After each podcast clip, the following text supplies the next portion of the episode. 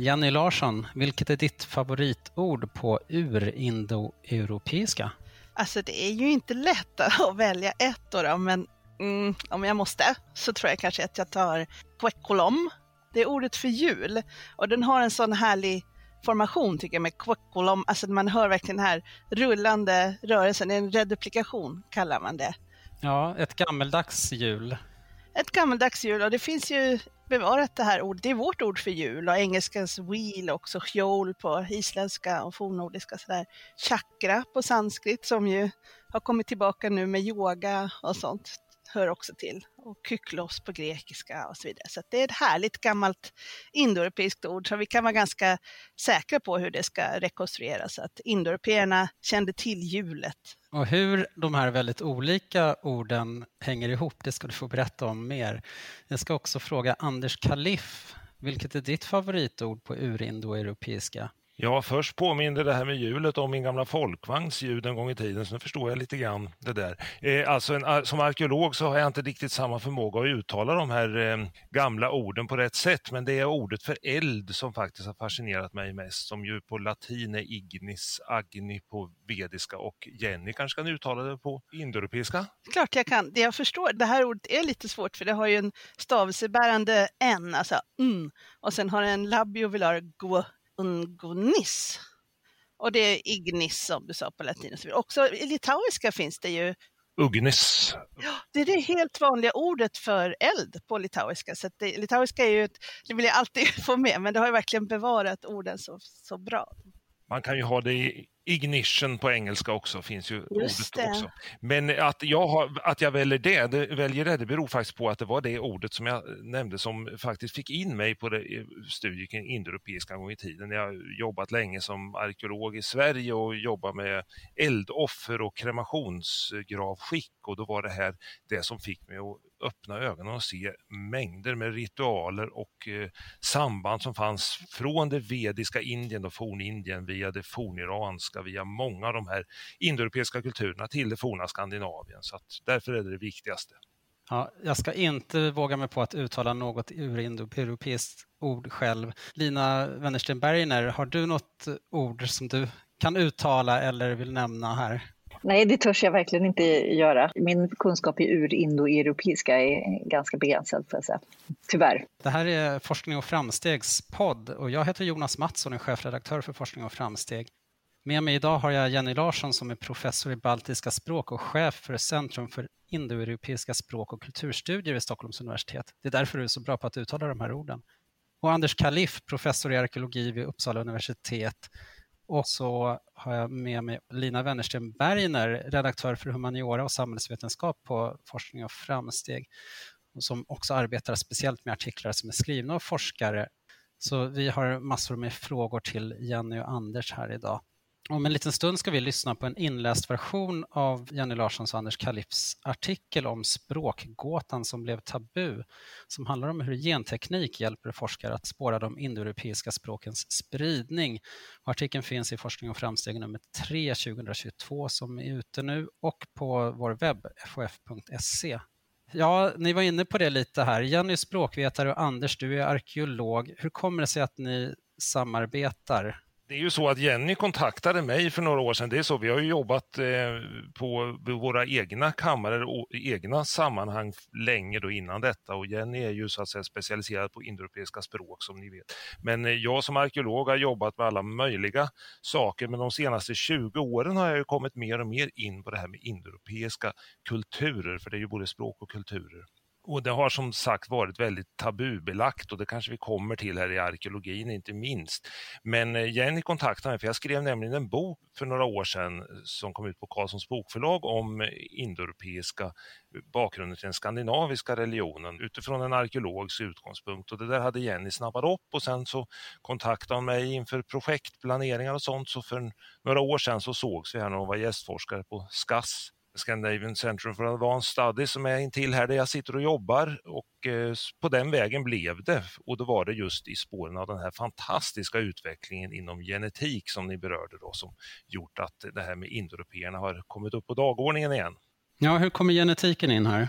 Ja, Kort är det så att A-DNA, då, ancient DNA, då, det här med att studera gammalt DNA från forn, eh, förhistoriska fynd och ben framför allt, och det gäller både människor och djur, det är ju någonting som har kommit de senaste årtiondena. Och eh, 2015 så skedde det då ett genombrott när det gällde det här med indoeuropeerna, för då var det två stycken stora internationella team, då, spetsforskare från olika håll i världen som samtidigt publicerat två oberoende artiklar i tidskriften Nature som då visar så tydligt att det skedde en migration österifrån från stäpperna till Europa och också åt andra håll, de klassiska hållen där man har indoeuropeisk spridning, språkspridning. Då. Och det här matchar i tid och eh, själva dynamiken på det på ett perfekt sätt det som språkvetare och även arkeologer egentligen borde ha insett och har delvis insett för länge sedan. Men därifrån så har det skett en helt förändrad inställning inom forskningen till det här med samarbete kring den här frågan. Jenny, hur kom du in på den här indoeuropeiska språkarkeologin om man får säga så? Jo, nej, men det var ju just den här revolutionen som eh, hände. Så 2015 var det ju för oss och eh, som Anders säger så sökte jag upp honom. Det, alltså det är ju så här, vi har ju fått en massa nytt material att förhålla oss till. Att man kan börja utvinna och analysera DNA från då flera tusen år gamla människoben. Ingen av oss hade väl trott att det skulle bli möjligt att kunna få fram DNA ur de här gamla torra benen från arkeologiska utgrävningar och så. Vi behöver varandra och det är enda sättet för oss att komma vidare med de här frågorna. Och de här frågorna har jag ju haft sedan jag började plugga på 90-talet. Jag kommer ihåg att jag frågade mina lärare, liksom, jo men vi kan rekonstruera ett urspråk, men vem har, vem har talat det här urspråket? Vi sitter liksom dagen i ända och, och rekonstruerar ljuden, men vem, var, hur, hur kan man, finns det någon arkeologisk kultur, finns det några lämningar eller någonting? Och då var det bara tvärstopp då på den tiden. Så Jenny, fråga inte sådana frågor. Det, vi kommer aldrig någonsin kunna veta det. Vi kommer aldrig kunna knyta språk till arkeologiska lämningar. Vi kommer aldrig kunna veta hur människor har rört på sig i förhistorien. Det går inte. Så att då fick jag nöja mig med det. Så att jag slutade lite grann fråga nästan. Och sen nu när det här har hänt då, att vi har börjat få, för de här genetikerna ger ju ganska tydliga kartor med stora pilar, liksom, folk har rört sig, vi ser DNA här och vi ser det här på ett annat ställe och vi kan sätta en stor pil och ungefär tid eh, när det här hände. Så att man får ju som en hel karta och, och har, jag har en massa material, massa språkligt material. Anders och arkeologerna har massa arkeologiskt material, genetikerna har sitt material. Så att det, för oss handlar det om att liksom verkligen få börja pussla ihop allting för att ställa de här stora, stora frågorna om liksom, varifrån kommer språket och människorna, hur har de vandrat och, och så. Så att det är jätteroligt och det är verkligen en, så här, en dröm. Men ni har, ett, ni har ett forskningscentrum kan man säga, LAMP. Ja, Ja, vad, berätta lite kort om det. Vad är det här för något? För det är där ni samlas från alla de här olika hållen. Det är ju två saker, då, för det finns ju både ett centrum och LAMP. Men jag kan börja med LAMP då, som var det som fick igång det här. Då. LAMP står då för Languages and Myths of Prehistory och det är ett um, forskningsprogram som ska hålla på i sex år. Det är inte ett centrum utan ett forskningsprogram? Ja, det är ett forskningsprogram och det är Riksbankens jubileumsfond som finansierar det. Då. Så är det en tvärvetenskaplig forskargrupp då, som vi har satt ihop med arkeologer och språkhistoriker och religionshistoriker och, och, och, så. Vi kommer från olika vetenskapsfält då, vi som jobbar med det här, men vi har alla samma vetenskapliga mål kan man säga, fast vi har lite olika metoder och olika angreppssätt. Vi är liksom intresserade av samma sak, Anders och jag, men vi har helt olika material som vi arbetar med. Då. Så att det som det handlar om för oss, det blir ju då att försöka integrera det här materialet och metoder från olika vetenskapsgrenar då och se vad vi kan pussla ihop tillsammans. Så, och det är ju väldigt spännande såklart och svårt. Lite svårt kan det vara, man har lite olika terminologi och olika idéer om vad som går att göra och vad som inte går att göra. Så, men det är också väldigt, väldigt roligt. Då. Och sen så den andra saken som vi också har, det är det här centret som, som startade i förra året. Och då är det ett centrum för indoeuropeiska språk och kulturstudier vid Stockholms universitet, där jag är föreståndare för centret, men Anders sitter som ordförande för styrelsen. Och så har vi lite religionshistoriker och museifolk och så också i styrelsen. Så vi har verkligen behövt ett, ett ställe, eller man säger ett gemensam plattform kanske man ska säga, men ett ställe att träffas för att kunna diskutera de här frågorna. Jag tänker också att, jag vet inte om Anders vill säga något om det, men det har verkligen varit svårt att samarbeta historiskt då, mellan arkeologer och språkhistoriker. Det har gjort lite, gjorts lite försök, men eh, vi var väldigt få arkeologer för bara några år sedan som tyckte det här var någonting att hålla på med, va? för att det var så väldigt tabubelagt som vi också redan har sagts här och inte minst i arkeologin E-, egentligen är det ju så att det som nu har återkommit också i arkeologin, det är ju väldigt mycket det som språkhistorikerna eh, ganska länge har förutspått. Va? Och det är samtidigt en gammal bild också i arkeologin, för går man tillbaka hundra år i tiden, och det låter ju lite deprimerande för vetenskapens framsteg att man ska göra det, men då är det faktiskt så att det fanns arkeologiska belägg som var nyupptäckta som talar ganska mycket om den här bilden. Eh, för det finns nämligen arkeologiska kulturer som stämmer så väl överens med de här genetiska beläggen som kom fram nu och också med de språkliga beläggen. Vi har det som kallas för stridsyxekulturen, kallas för båtyxekulturen tidigare för länge sedan i svenskan.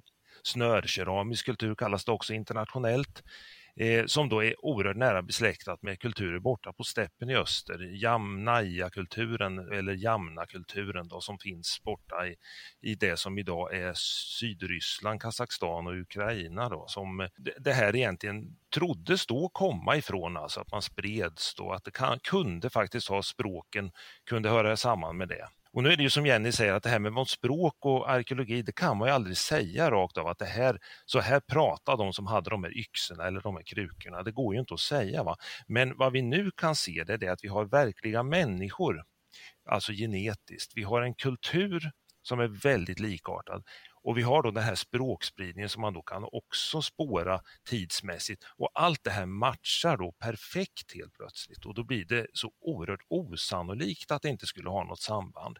Och faktum är att efter 2015, om vi nu tittar på de genetiska studierna, som ju då är både arkeologer och genetiker som jobbar tillsammans med, jag själv är en eh, doktorand som jobbar med det här, inte direkt i vårat fält, men det finns många andra arkeologiska frågor också.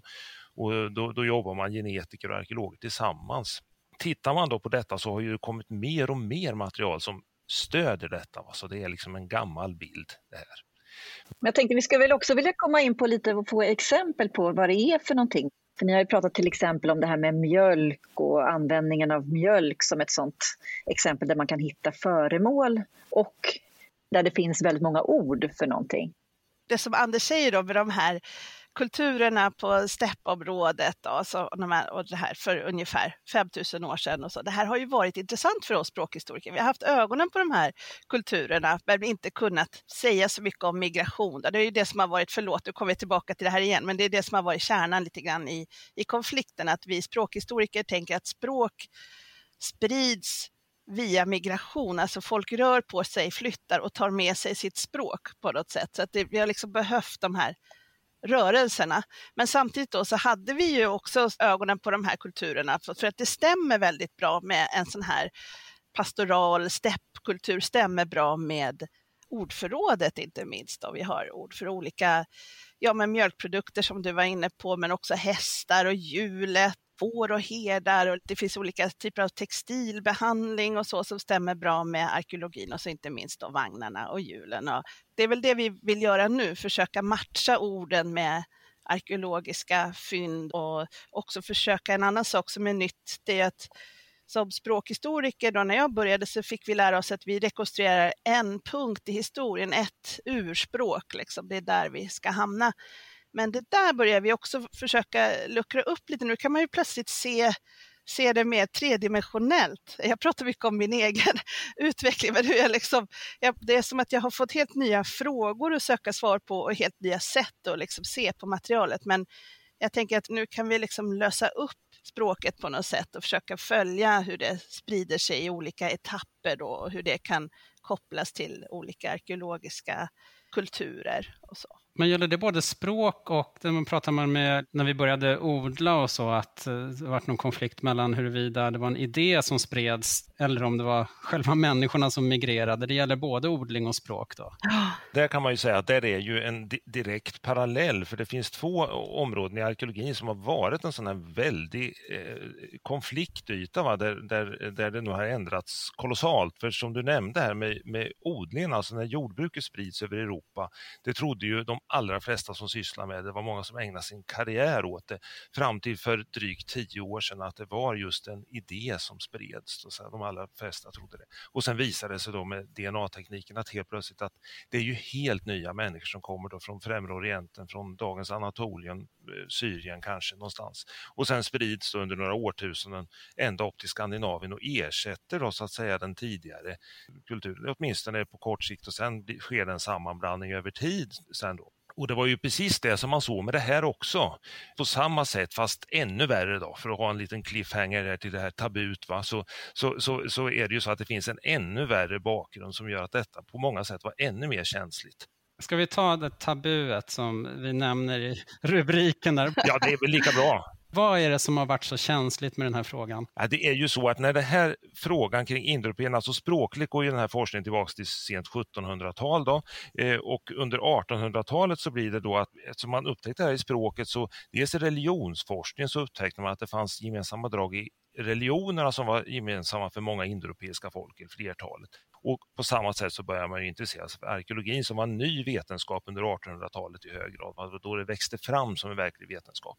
Så redan då i mitten på 1800-talet och framförallt under senare delen så kom det här att bli en stor forskningssak och den hängde då väldigt nära samman som arkeologin generellt med starka nationalistiska tendenser och ännu värre då med den rasistiska forskningen. Och det var ju så att det här begreppet arier som alla känner till idag men få kan placera, det kom ju direkt från den här forskningen. Varför arier Arya, det är det namn som de här indoeuropéerna när de kommer till norra Indien och Iran en gång i världen för 4000 år sedan, de kallar sig det helt enkelt. Det är deras namn på sig själva. Och det här kommer ju då bli beteckningen för de här indoeuropéerna. och speciellt i den tyska forskningen så pratar man om indoarier och så, man pratar om eh, indogermaner och det här blev då synonymt med de germanska folkens framförallt också bakgrund. Och det här var ju det då som togs upp sen senare under 1900-talets första hälft i de eh, fascistiska och inte minst den nazistiska Tysklands forskning. Va? Så att det här låg bakom väldigt mycket av det som skedde före och under andra världskriget med tysk östutvidgning, med rasismen inte minst, med kategoriseringen i människor och också då i slutändan med folkmord i öster inte minst. Så efter andra världskriget blev det här en otroligt känslig fråga. Det var egentligen ingenting i forskningen som ändrades när det gällde och de gamla indoeuropeerna var ju egentligen fullständigt oskyldiga då så att säga. Men det blev ändå omöjligt på många sätt och det där levde faktiskt kvar ända fram här till 2015 kan man säga. Eh, och nu är ju inte så att det känsliga är borta men det är så tydligt att det finns någonting i den här forskningen, så att nu försöker ju alla att se det för vad det verkligen är. Va? Men vi måste fortfarande alltid förhålla oss till den här frågan. Då. Och, och, den är reellt viktig att förhålla sig till, då, för det har skett hemska saker liksom i namn av den här forskningen, även om den egentligen som många gånger inte hade med forskningen att göra. Alltså. Ja, det är ju väldigt tråkigt och det förstörde ju väldigt mycket för forskningen just det här med att arkeologer och språkhistoriker inte har pratat med varandra då. Det har ju att göra med, med den här bakgrunden antar jag. Och det som vi språkhistoriker gjorde var ju lite grann att sluta oss i oss själva och säga då, då tittar inte vi på kulturer och människor och krig och nej, utan då är det en modell. Vi liksom fokuserar på språket och liksom A blir B, blir C och så vidare och gör en språklig modell. Och det har ju vi då hållit på med väldigt länge, så att den är ju väldigt förfinad skulle jag säga. Så att vi har ju en bra modell. Arkeologerna valde lite grann en annan väg kanske, att pyssla med annat och sluta forska på de här frågorna. Eller vad säger du Anders? Ja, arkeologerna ville ju inte så att säga se det, så man slutar ju ha den samverkan och, och, och, det, var, det blev så att säga en tendens, egentligen är det ju en märklig historia i arkeologin för att hela historien kryllar av folkvandringar och, och, så att säga, och även den moderna tiden. Och ändå valde man väldigt mycket i skandinavisk och anglosaxisk arkeologi inte minst att se det som att det var just det här som vi såg i jordbruksintroduktionen också, va? att man hade egentligen idéer som spreds och människor var ganska stationära märkligt nog tänkte man sig när de väl kom dit så var de kvar där i stort.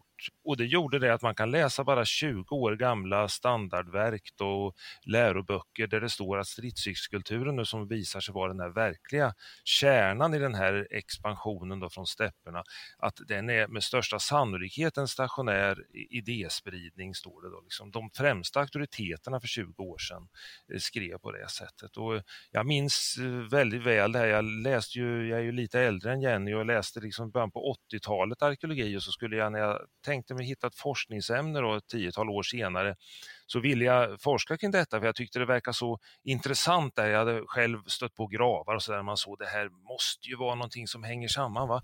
Men jag blev ju starkt avrådd då från att överhuvudtaget fördjupa mig det här med inrupen och jag är tacksam för det idag för det hade varit alldeles för tidigt. Då hade man säkert eh, blivit betraktad som någon sån här stollig stil med västgötaskolister eller någonting då fast i ett ännu värre, ännu värre sällskap. Men Jenny, eh, då får jag fråga dig, eh, finns det någon risk liksom att de här eh, forskningsrönen kapas av krafter som kanske liksom väljer att tolka dem på ett politiskt extremt sätt? Så? Jo, det är klart det finns en sån risk och det är vi ju väldigt medvetna om också och försöker vara försiktiga. Alltså, för att sambandet mellan genetiskt arv och språk och kultur är ju komplext, väldigt komplext och självklart så kan varken människans kulturella eller språkliga komplexitet beskrivas enbart med genetisk metod till exempel, utan man måste ju kombinera de här metoderna eh, och använda olika typer av material och liksom alltid ha det här i bakhuvudet, liksom, att språket syns inte i generna, materiell kultur syns inte heller i generna. Så att det är olika trådar på något sätt och det är viktigt att förmedla då. och där hjälper ju forskning och framsteg till men också på många andra sätt hela tiden vara tydlig med forskningsprocesserna. Det tror jag är ett sätt att motverka det här, att man liksom var tydlig i kommunikationen och, och för att forskningen inte ska kunna missförstås eller missbrukas. Men visst, forskning kan ju missbrukas och det har ju skett, som Anders säger, sker ju hela tiden. Så det, genom historien och så har det ju skett. Så det skulle ju vara naivt att tro att det inte skulle kunna ske igen. Så såklart finns den risken. Men vi, och vi har en väldig medvetenhet om det här. Och vi hoppas väl också och tror att liksom fakta då ska, ska tala i en annan, eh, eh så att säga, missbruket kan finnas där ändå för det finns så mycket gammal litteratur, gamla saker, om man tittar nätet kryllar liksom om det här missbruket av den här forskningen också. Men den, är ju, den finns ju redan där så att vårt sätt att titta på det, det är ju faktiskt att få en för det är ju inte så att tittar man i djupet så hittar vi inga gamla nazister här, utan det här är ju en helt annan, en historiskt skeende för länge sedan som förklarar väldigt mycket av människan och egentligen kan förklara att, att vi faktiskt är väldigt nära släkt, också både språkligt ja. och kulturellt på många sätt. Så, att, så egentligen kan man se det på ett helt annat sätt. Så jag tror att missbruket är egentligen oberoende av vad vi gör tyvärr. Då det är också det vi hellre vill prata om, att det går att göra det här. Alltså, vi kan ju inte bara lägga ner, eller hur? Vi kan ju inte bara säga nej, men då kanske det missbrukas, då gör vi, försöker vi inte hitta svaren på de här stora frågorna, utan vi är ju tvärtom så här, men vi, åh, vi, nu kan vi försöka. Ska vi gå in lite på, du pratar om att det är viktigt med metodik där. Lina, när, när vi satt och jobbade med den här artikeln, jag blev i alla fall otroligt nyfiken på de här ljudlagarna. Det är ju som ett mysterium. Och... Precis, det här med att försöka förstå alltså, hur man skalar av språken och hur man liksom tar sig ner till det som man tänker sig är någon slags urnivå. Eh, är ju jätteintressant och också att förstå skillnaderna mellan hur de här, alltså att det inte bara handlar om orden utan att det också handlar om grammatiken. Eh, det är ju fascinerande. På, på vilket sätt använder man det för att komma ner till det här urspråket? Det är ju en stor fråga. Det är ju liksom det vi håller på med. Hela introduktionskursen handlar ju mycket om hur de här metoderna går till. Men, men jag, ska, jag ska göra ett litet försök och berätta lite om hur vi jobbar. Eh, alltså dels så är det ju så att eh, alla de indoeuropeiska språken är ju besläktade. Så att det ser vi ju ganska snabbt eh, det syns ju på ytan, jag tror vi har med i artikeln till och med ordet för näsa som liksom det heter nose på engelska, nase på tyska, nos på ryska och så vidare. Och även i äldre språk då nasus på latin och så vidare. Så man, det finns ju en likhet, så den, den ser man ju. Våra metod är ju att man börjar jämföra de här orden systematiskt med varandra, ljud för ljud, både orden och också grammatiken. Och, och när man gör det här helt systematiskt så ser man ett mönster i det här. Då. Och sen, vad, vad är ljud och vad är texter? För att vi måste ju använda texter såklart. Språket består ju av ljudet. Språket är ju inte skrivet, utan språk är ju det som vi människor producerar med våra talorgan. Så det är ljuden som är själva språket. Och sen kan man försöka få ner de här ljuden på ett papper eller på en sten eller någonting i forntiden genom att försöka använda liksom ganska bristfälliga alfabetiska system och sådär, ibland symboler och så. Men när vi forskar på det här så måste vi då använda såklart de äldsta skrifterna som finns bevarade för att Eh, Eh, det finns inga inspelningar från 3000-talet före vår tideräkning, så att det är skrifter. Och för oss språkhistoriker så är alla skriftliga spår som människan har lämnat efter sig helt ovärderliga. Så att vi sitter ju liksom och läser gamla texter och lertavlor och kilskrift och runstenar. Allt som vi kan få tag på, allt gammalt, all tidig skrift är liksom relevant för oss ja, man måste lära sig ganska många språk kanske innan man börjar se de här likheterna i grammatiken inte minst. Men det, men det kommer, de första kanske fem, tio språk så där, kan vara lite jobbiga, men sen så, så lossnar det. För sen så ser man ju liksom hur allt hänger ihop, orden och grammatiken. Allting kommer ju tillbaka eftersom språken är besläktade så är det ju samma grammatiska system, så då blir det lättare om man bara lägga på ett till språk eller så. Och sen har ni som hittat eh, regler för hur ljud förändras mellan ja. D och T kanske, eller olika vokaler som verkar förändras. Just det. Ja, men ljudlagarna det är ju verkligen en viktig del av metoden. Och då kan man ta Grimms lag då, som exempel, eller den germanska ljudskrivningen som den brukar kallas då. Det som är viktigt att förstå här är att ljudförändringar sker systematiskt. De sker liksom inte då och då, utan de sker alltid och är på exakt samma sätt varje gång. Så att eh, till exempel då så blir P alltid F initialt i orden i germanska språk och germanska språk det är sånt som svenska, danska, norska, isländska och så vidare, men också engelska, tyska och gotiska som är ett äldre språkstadium. Ja, så att om vi då har P i latin till exempel, eh, som har bevarat det äldre då P, så motsvaras det alltid av F i de germanska språken. Så pater på latin är fader på svenska, piskis på latin är fisk, pro är fram och så vidare. Så det här måste då hända varenda gång. Det får inte finnas några undantag från en ljudlag, för då är det inte en ljudlag. Då måste vi riva upp allting och börja undersöka en gång till. Då. Och det är sånt som man undersöker då. Man försöker hitta de här systematiska förändringarna. Så man lär sig massa språk och sen så hela tiden så försöker man hitta de här osynliga sambanden. Och du har en egen ljudlag, Jenny, är det så? Ja, jag hittade en där när jag satt och grävde en dag kanske. Det som jag hittade som senare blir en ljudlag, man namnger ju inte de här ljudlagarna själv, utan det är först när andra forskare börjar referera till dem. Så då har det vissa forskare börjat kalla den här för Larssons lag och då blir den så att säga etablerad. Men det var faktiskt redan när jag doktorerade som jag började se ett system i de baltiska språken. Så den här ljudlagen gäller ju för de baltiska språken och reglerar vokallängden kan man säga. Det fanns en massa oförklarade långa vokaler som ingen kunde förklara. Ingen hade sett det här mönstret och så såg jag det och publicerade det. Nu har det ju gått 15 år sedan dess, så att numera är den här ljudlagen accepterad och, eh, eh och etablerad skulle jag säga. Det kom en bok alldeles nyligen av en från Harvard, en professor som talar om Larsens lag och börjar bygga vidare på den och så. Så det, det är roligt. Det låter ju väldigt komplicerat att man måste lära sig alla de här språken för att hitta de här lagarna. Hur bra är AI på att hitta ljudlagar till exempel? där är ju också en dröm som, som jag har haft jättelänge också och försökt tidigare samarbeta lite med datalingvister och så. Än så länge har vi inte kommit dit, men jag tror fortfarande att det skulle vara möjligt att lägga in i det här, att eh, få hjälp att hitta systemen i, i språken och inte bara som människa sitta och jämföra Mm. Nu har ni arkeologer, språkhistoriker, religionsvetare har ni också. Nästa forskargrupp får väl bli AI-folket då? Mm. Nej, inte helt omöjligt. Nej, men det, det, är så spännande. Också all den här naturvetenskapliga forskningen som kommer. Det, vi jobbar hela tiden med att integrera. Man forskar ju på dels DNA, då, husdjurens DNA, hästarnas DNA, mjölkproteiner, men också vulkan, alltså klimatförändringar, så här, tidiga klimatförändringar i förhistorien och de här vulkanutbrotten som man har tittat på allt sånt verkar ju ha påverkat människorna såklart. Människan är, det är ju ett tvärvetenskapligt område om man vill titta på människans kultur och språk. Nu pratar vi om det här och språk är ljud, eh, men i tidningen har vi en stor karta där man kan se de här folkvandringarna som ni har forskat om. Precis när vi skickade det här numret till tryck, det var de dagar där Rysslands krig i Ukraina bröt ut ordentligt.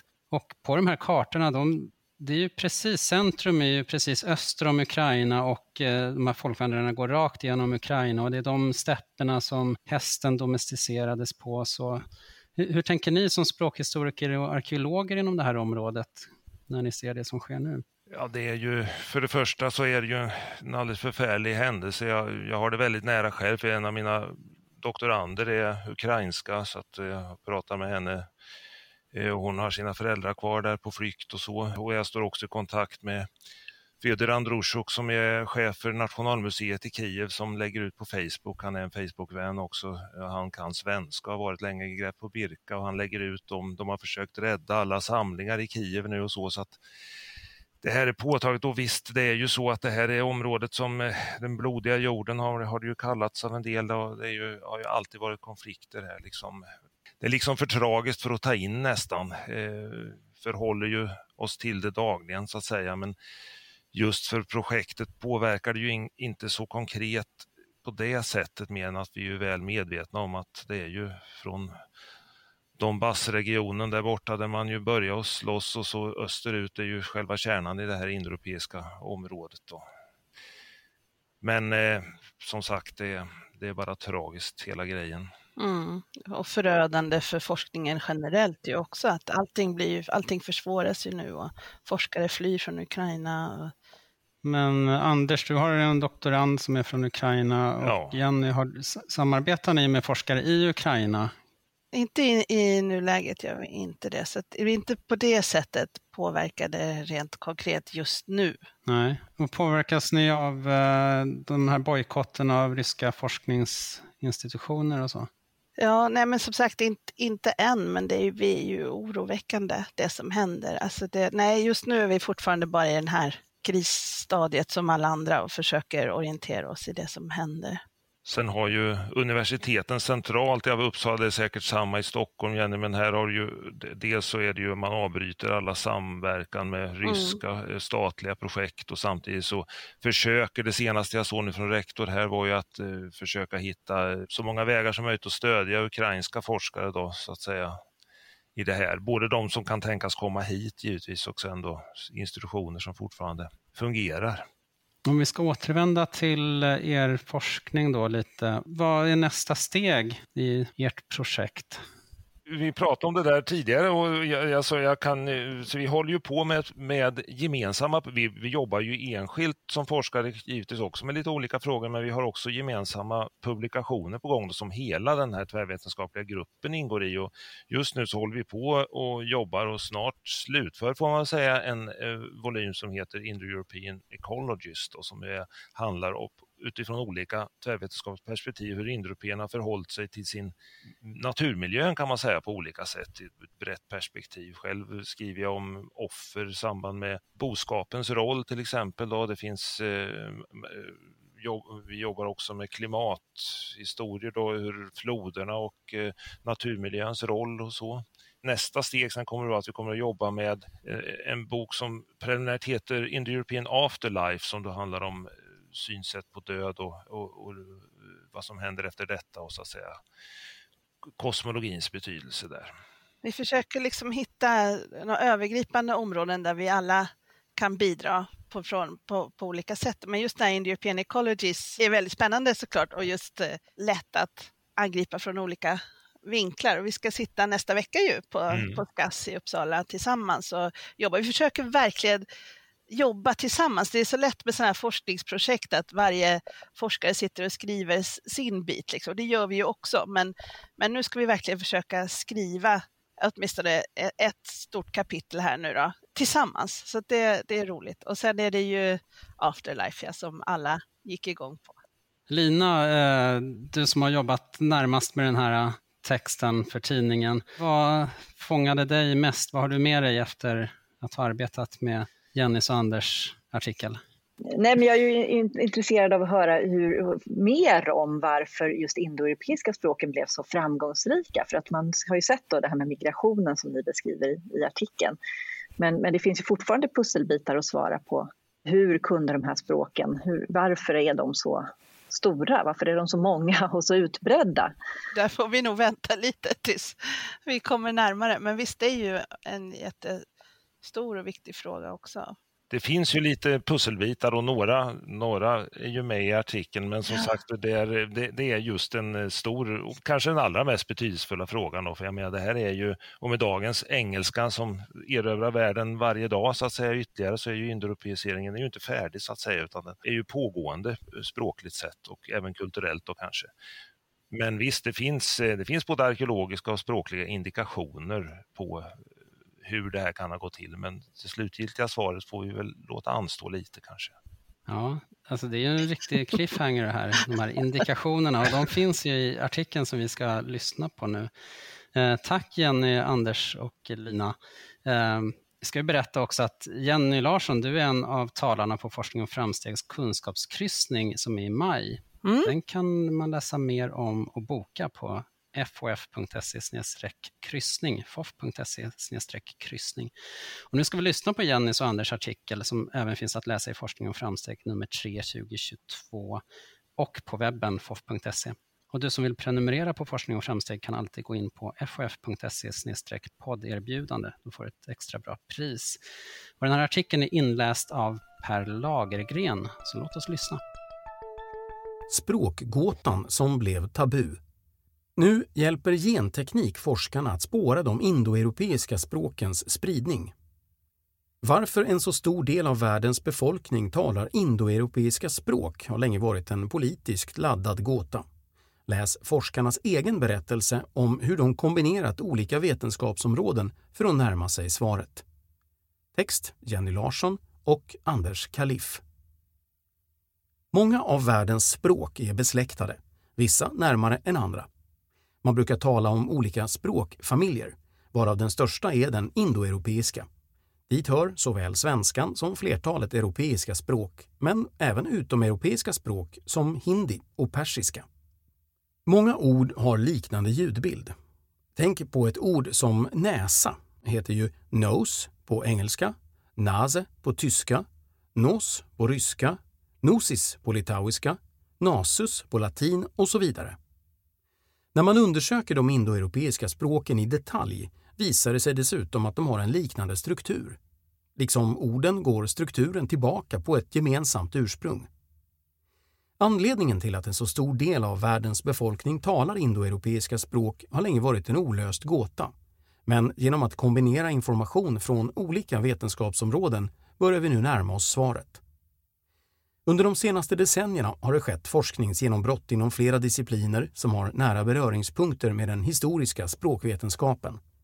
Avgörande är de senaste decenniernas revolutionerande snabba utveckling inom molekylärbiologin som inneburit att man numera kan kartlägga förhistoriska släktskapsförhållanden och migrationsmönster.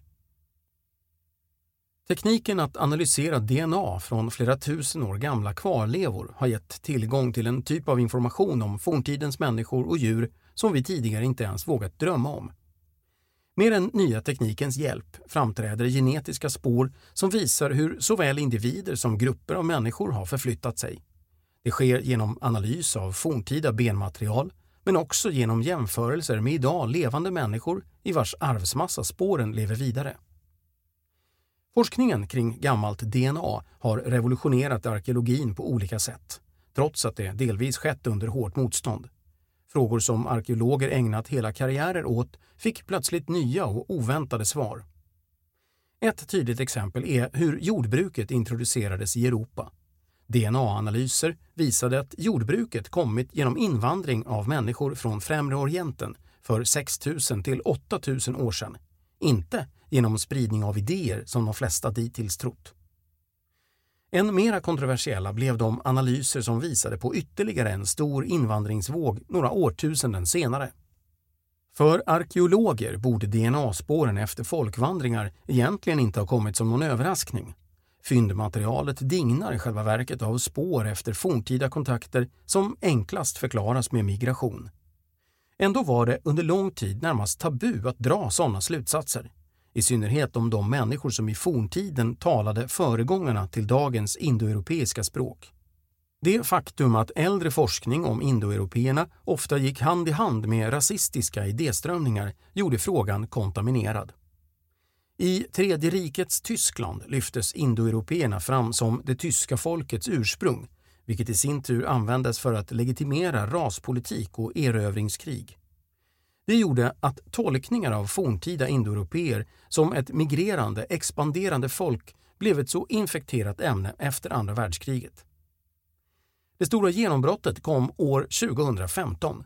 Då publicerades två oberoende, banbrytande genetiska studier samtidigt i tidskriften Nature.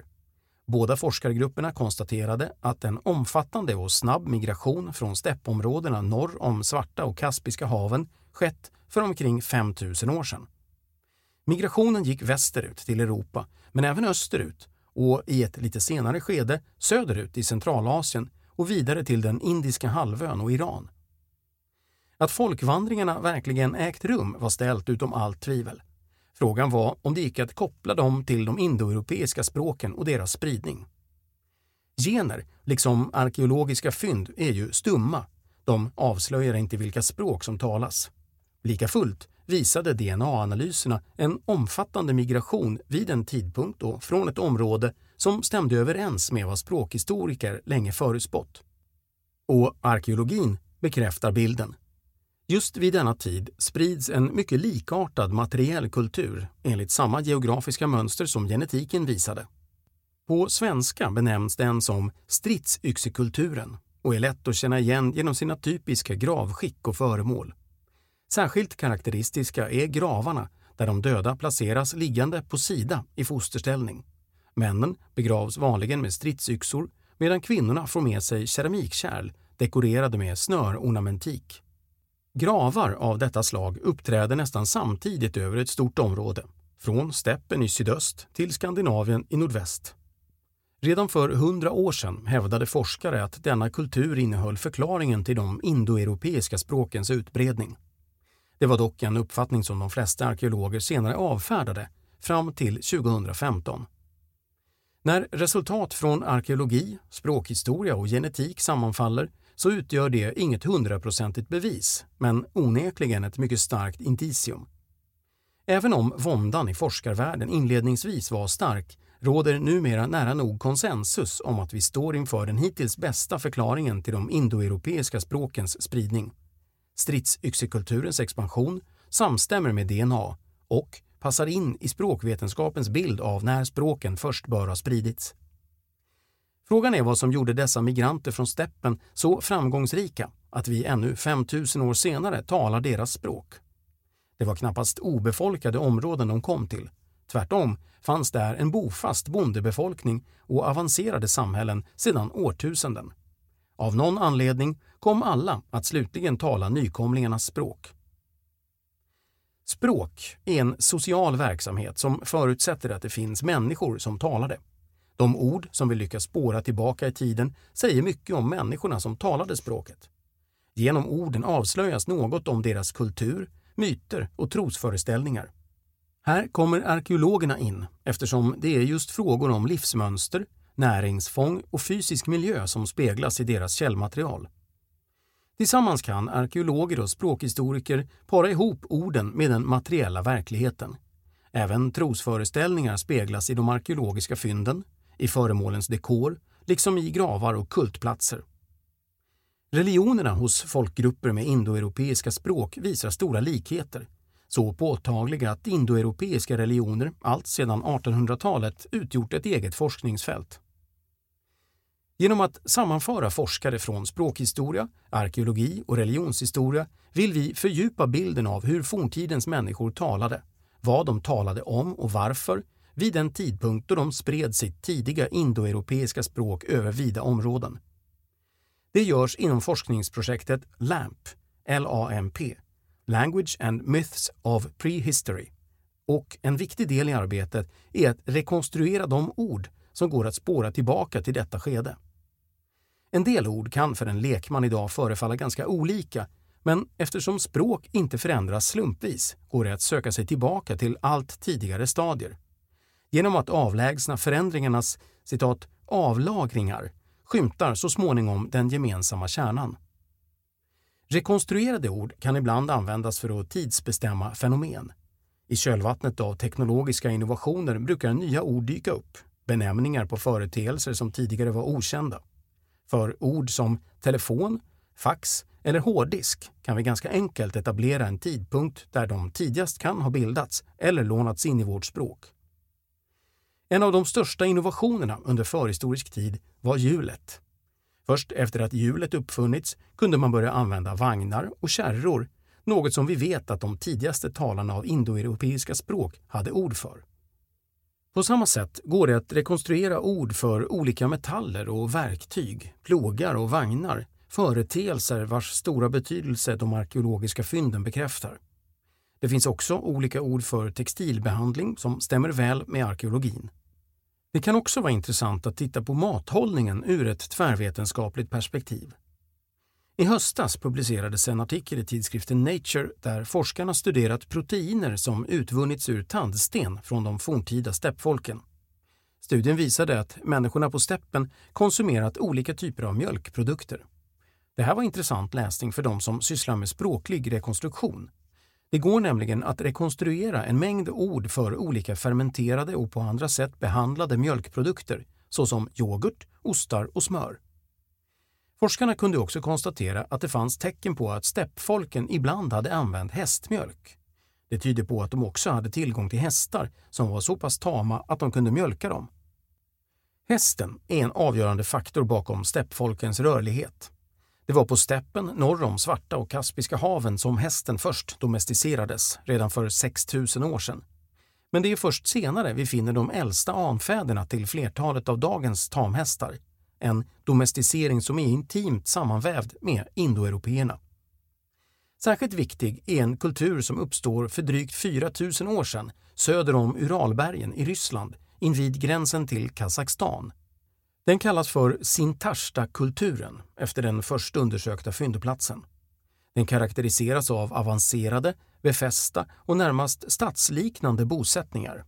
Sintashta-kulturen blev ett centrum för koppar och bronsmetallurgi och här gjordes även flera andra viktiga innovationer. Här finner vi den direkta startpunkten för nu levande tamhästars släktlinjer. Sannolikt beror det på ett framgångsrikt avelsarbete för att få fram lämpliga hästar för ridning och som dragdjur. Ridkonsten förfinas och det är här de tvåhjuliga hästdragna stridsvagnarna ser dagens ljus. En innovation som revolutionerar krigföringen långt utanför steppen. Vi befinner oss i tid närmare ett årtusende efter indoeuropeernas första expansion till Europa och uppkomsten av stridsyxekulturen till vilken Sintashta är en efterföljare. Kulturen uppstår efter att ättlingar till stridsyxekulturen i Östeuropa under 2000-talet f.Kr. åter rört sig österut. Genetiska studier har visat att arvsanlag och kanske kulturella drag genom denna kringrörelse förs från den tidigare bondekulturen i Europa österut till steppen och slutligen till Sintashta-kulturen. Därifrån spreds så indoeuropeiskt språk och kultur i ytterligare en våg. Nu är turen kommen till det indoiranska området och Sintashta blir därför en förklaring till att såväl iranska som flera indiska språk är indoeuropeiska. Hästens roll för indoeuropeerna kan skönjas i deras diaspora i många olika geografiska områden.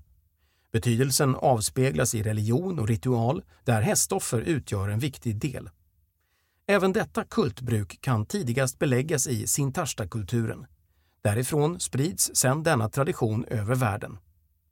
Ashva-meda i den fornindiska traditionen är en omfattande kunglig offerritual där hästen var central, men där också mängder av andra djur fick sätta livet till. Offret sker enligt strikta regler där kosmologi och skapelsemyter avspeglas. Liknande hästoffer är kända från såväl den romerska kulturen som från keltiskt och nordiskt område. En av de viktigaste arkeologiska fyndplatserna är Skede mosse på Öland. En offerplats från början av vår tideräkning. Platsnamnet innehåller ordet skede som kan härledas ur det fornvästnordiska skeith, vilket förutom offer även kunde syfta på hingsthetsning och kappritt.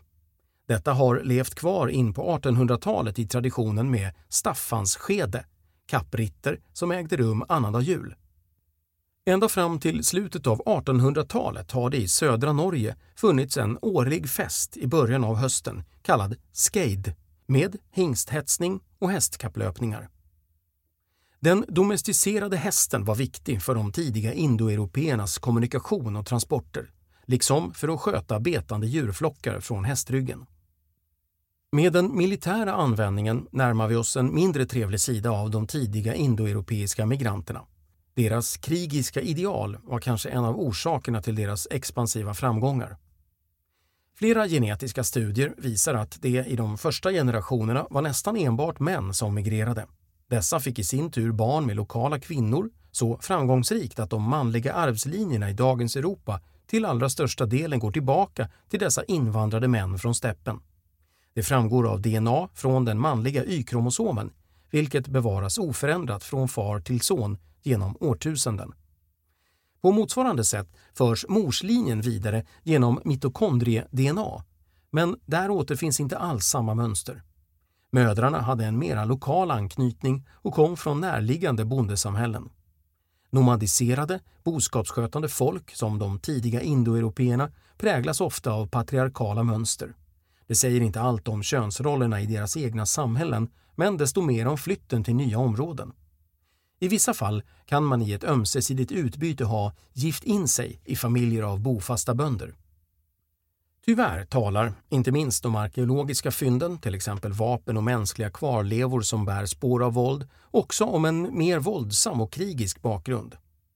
Även det faktum att manliga direkta arvslinjer från den förindoeuropeiska tiden helt saknas indikerar att det inte har varit en fredlig process, snarare en erövring där framförallt vissa indoeuropeiska män fått en mycket dominerande ställning.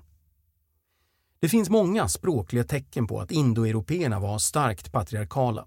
Att släktskap främst räknades på manssidan genomsyrar vokabulären.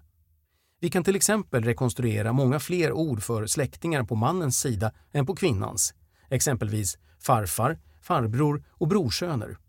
Om man har gift sig med lokala kvinnor som troligen talade ett annat språk kanske det kan vara en del av förklaringen till att kvinnans släktingar var mindre viktiga att hålla reda på, eller i varje fall varför orden inte ingick i det indoeuropeiska språkregistret.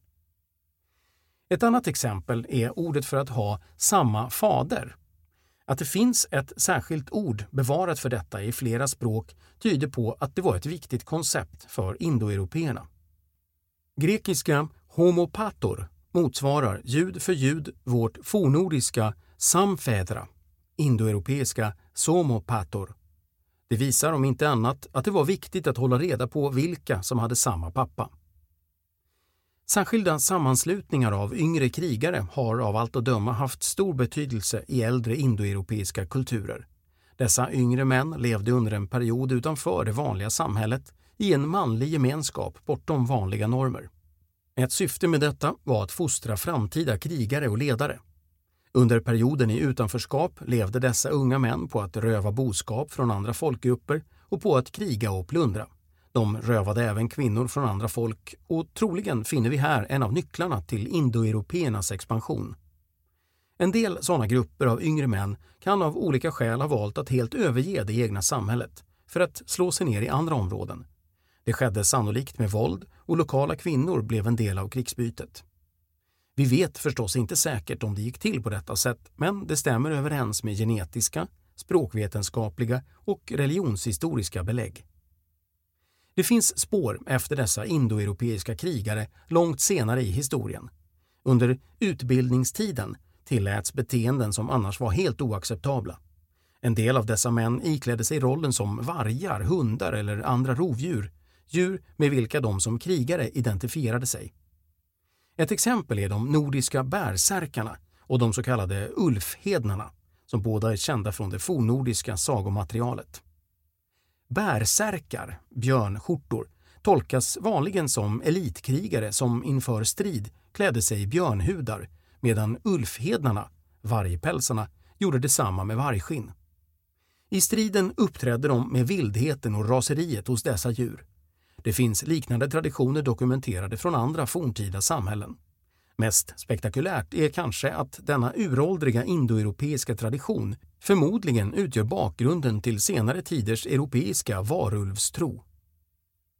Ytterligare en möjlig förklaring är att indoeuropeernas expansion hänger samman med en pandemi. Genetiska analyser har visat att migrationen från steppen för 5000 år sedan sammanfaller med en spridning av den klassiska pestbakterien Yersina pestis. Det är samma bakterie som genom årtusenden därefter orsakat lidande och död. Mest omtalad är digerdöden under 1300-talet men ända fram till upptäckten av antibiotika var sjukdomen ett fruktansvärt hot. Möjligen var steppfolken själva relativt immuna mot pesten men den kan ha decimerat och försvagat en tätt sammanlevande bofast befolkning i de områden dit de flyttade.